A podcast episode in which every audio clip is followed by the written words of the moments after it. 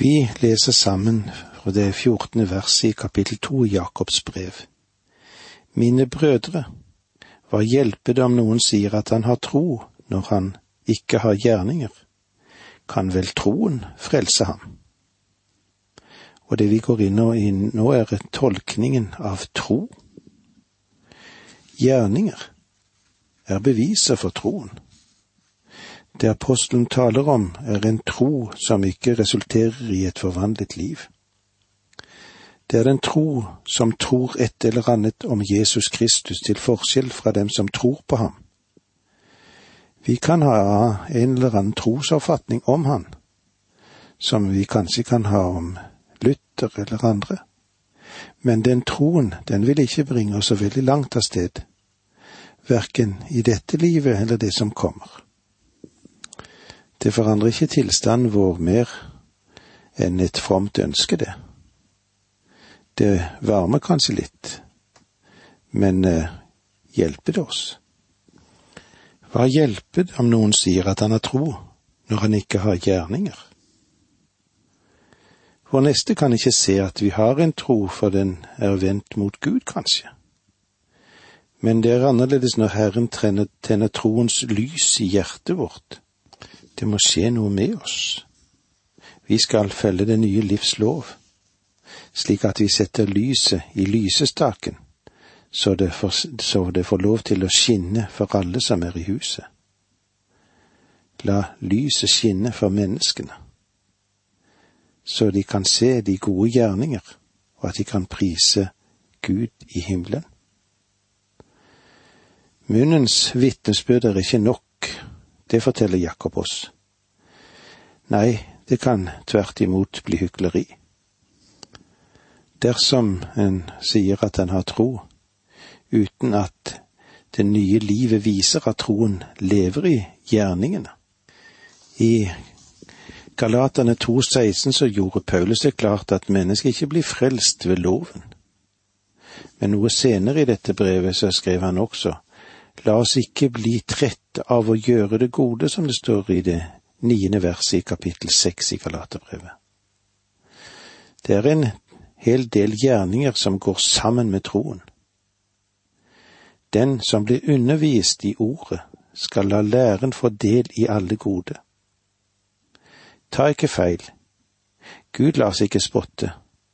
Det et menneske sår, skal det også høste, som det også står i Galaterbrevet seks.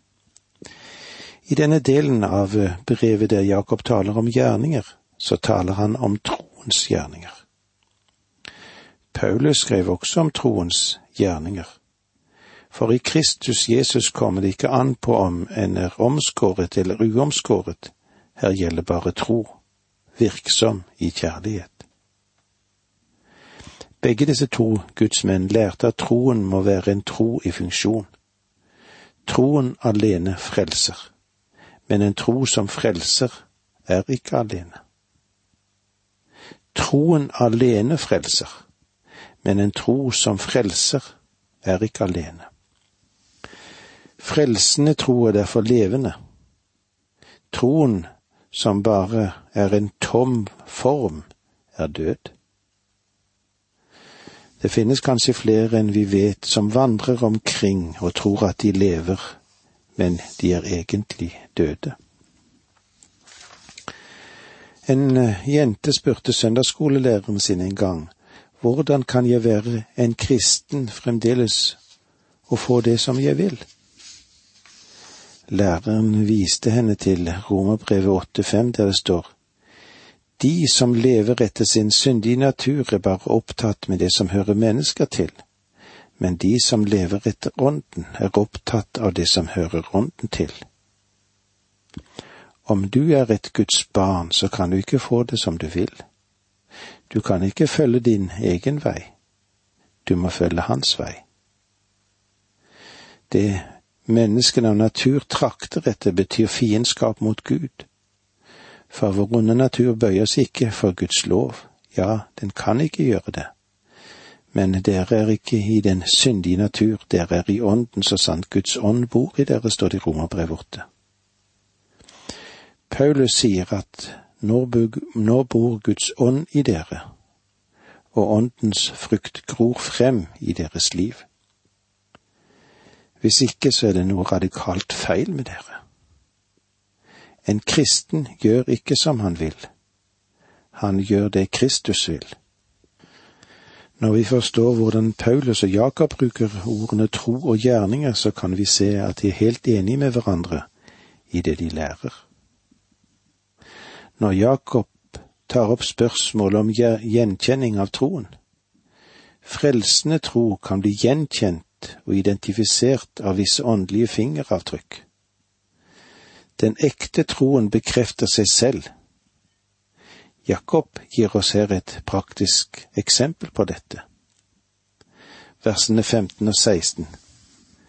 Sett at en bror eller søster ikke har klær og mangler mat for dagen, og en av dere sier til dem, Farvel, hold dere varme og spis dere mette.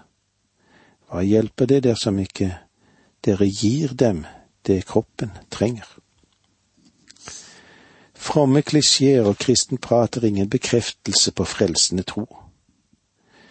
Det må være en livsinnstilling som henger sammen med ordforrådet. Dere kan være meget fromme og si til et menneske, Bror, søster, jeg vil be for deg, og jeg vet at Herren vil gi deg hjelp. Herren setter deg der som et Guds barn for å gi hjelpen. Jeg kan av og til bli litt frustrert når ganske velstående kristne klapper meg på skulderen og sier Nevland, dette var et godt program. Det er helt nødvendig at Guds ord kommer ut i våre dager. Men de har ingen del i dette ved å støtte det økonomisk, så det de sier, kan bli en virkelighet. Jeg har vanskelig for å tro at de tar tingene på alvor Fromt prat, kan vi si til en eller annen. Jeg står med deg. Står du med dem? Støtter du dem? En levende tro skaper noe, og på det kan du kjenne den igjen. Den Herre Jesus sa det slik i Johannes 13, 35. Har dere kjærlighet til hverandre, da skal alle kunne se at dere er mine disipler. Og så sier han òg, bli ingen noen noe skyldig annet enn det å elske hverandre. Den som elsker sin neste, har oppfylt loven. Poenget er at du ikke kan si at du er et Guds barn og leve som et lovløst individ. Når noen kommer med en påstand om at de er troende, så kan du teste dem ved å se om de virkelig er det eller ikke. Det varmer meg usigelig å se levende og nærværende kristendom. En kristendom som ikke har flyttet sin ansvarsfølelse over på den andre siden av dødens grense, men lar troen fungere i det daglige livet her og nå. Får jeg lov til å si til oss alle som får lov til å kalle oss kristne, at vi forteller med vårt liv om vi tror eller ikke. Versene 17 og 18. Slik er det også med troen. Har den ikke gjerninger, er den rett og slett død. Noen kan si, den ene har tro, den andre har gjerninger. Vis meg da din tro uten gjerninger, så vil jeg vise deg min tro av mine gjerninger. Troen, om den ikke har gjerninger, er rett og slett død. Troen er død. Hvorfor? Fordi levende tro, frelsende tro, skaper gjerninger. Du må trekke den konklusjonen av Jakobs illustrasjon. Han taler om troens frukt. Paulus taler om troens rot. Det er den understrekning hver av dem gir. Men både Paulus og Jakob taler om troen alene, det er den som frelser. Paulus sier også at troen vil skape frukt. Men åndens frukt er kjærlighet, glede, fred, står det i Galaterbrevet fem. Og Jesus sa, Jeg er vintreet, dere er grenene. Den som blir i meg og jeg i ham, han bærer mye frukt. Slik står det i Johannes 15, 5. Den som blir i meg og jeg i ham, han bærer mye frukt. Og med disse ordene sier vi takk for nå, må Gud være med deg. Dette undervisningsprogrammet består av to deler. Åge Nevland fortsetter nå med andre del av dagens undervisning. Vi er i det andre kapittelet i Jakobs brev, hvor vi ser på hvordan Gud prøver troen ved gode gjerninger. Gjenkjenning av troen, slik som vi skal få lov å oppleve det når vi går nå videre inn i dette kapitlet, og vi leser her i det nittende verset. Du tror at Gud er ren, det gjør du rett i. Også de onde ånder tror det, og skjelver. At bare leppene bekjenner er ingen bevitnelse på frelsende tro. Selv demonene tror. I vers 20 leser vi slik. Vet du ikke, du uforstandige menneske, at tro er til ingen nytte uten gjerninger? Tro uten troens frukt er tom og forgjeves hva angår forholdet til verden. Ingen blir rettferdiggjort av tro hvis ikke denne troen gjør ham rettferdig. Luther har sagt det slik, tro er liv i Gud. Og Jakob sier her hvor arsubb det er å tale om å tro uten at troens gjerninger gir livstegn. Det er stort, et stort gode å tro at Gud er ren. Det skiller oss radikalt ifra de mange avguder som ellers finnes. Men å godta en kristen sannhet, for eksempel at Gud er ren, fører ikke til noe mer enn at det er å godta et kart uten å gå etter kartet. Djevlene, de tror òg at Gud er ren. Onde ånder i den besatte kjente òg til hvem Jesus var. Hva har vi med deg å gjøre, du Guds sønn? Nå går Jakob videre til å gi oss en illustrasjon av tro. Faktisk er det to illustrasjoner. Vi leser da sammen versene 21 til 24. Var det ikke på grunn av gjerninger at vår far Abraham ble erklært rettferdig? Han brakte jo sønnen Isak som offer på alteret. Der ser du. Troen virket sammen med hans gjerninger, og gjennom gjerningene ble troen fullendt. Dermed ble dette skriftordet oppfylt. Abraham trodde Gud, og derfor regnet Gud ham som rettferdig, og han ble kalt Guds venn. Dere ser altså at menneskene blir erklært rettferdig ved gjerninger, og ikke bare ved tro. Paulus sa at Abraham ble rettferdiggjort av tro. Det kan du se i Romerbrevet 4.3.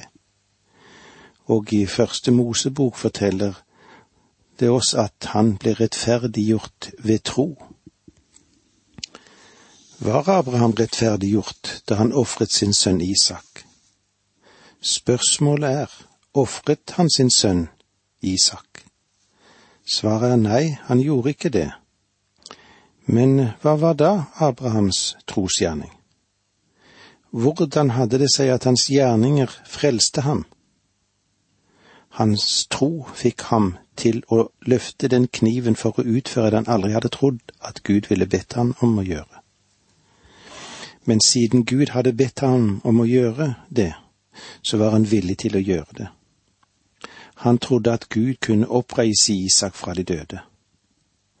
Abraham ofret egentlig aldri Isak, fordi Gud fant en erstatning for det offeret. Men han, han ville ha gjort det om Gud ikke hadde stoppet ham. Dette er en utvalgt illustrasjon til det faktum at du demonstrerer din tro ved dine handlinger, ved dine gjerninger. Handlingene denne mannen utførte, var en bekreftelse på at han trodde Gud. Og Jakob bruker enda en illustrasjon. I vers 25 var det ikke slik med skjøgen Rahab også.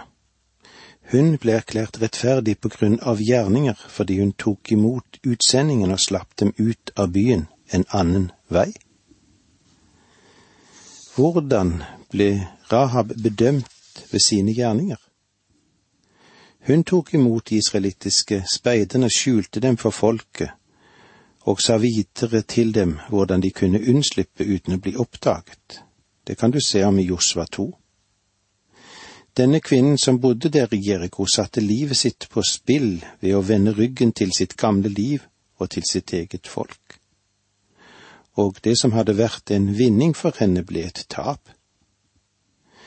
Hun sa ikke til de israelittiske speiderne, Jeg vil bare stå der på sidelinjen når dere drar inn i byen og synger. Pris Gud fra hvem all nåde kom. Hun sa ikke bare Jesus frelser og bevarer og tilfredsstiller. Hun sa ikke halleluja, pris Herren. Hun sa til dem, Jeg skal gjøre noe, jeg vil skjule dere fordi jeg tror Gud vil gi israelsfolket dette landet. Vi har hørt om dere i 40 år, og jeg tror Gud. Hun trodde Gud, og hun ble engasjert, og hun ble involvert. Hun ble rettferdiggjort for Gud ved sin tro. Ved tro ble skjøgen Rahab reddet fra å omkomme sammen med de vantro, for hun hadde tatt imot speiderne med fred, som det står om i Hebrebrevet 1131. Men sett med hennes eget øy, folks øyne, og for israelittenes øyne, ble hun rettferdiggjort ved gjerninger. Troen er roten og roten produserer den frukt som roten selv representerer. Om du har en levende tro, så kommer den til å bli frukt i ditt liv. Paulus sier det på denne måten i 2. Korinterbrev 13,5. Ransak dere selv om dere er i troen. Prøv dere selv. Og Jakob fortsetter. For som kroppen er død uten ånd, er troen død uten gjerninger. Troen uten gjerninger er som et dødt legeme i en grav. Jakob sa det. Paulus sa det. Og jeg tror dem begge, for det gir oss Guds ord som pantet på det. Vi går nå videre inn i kapittel tre.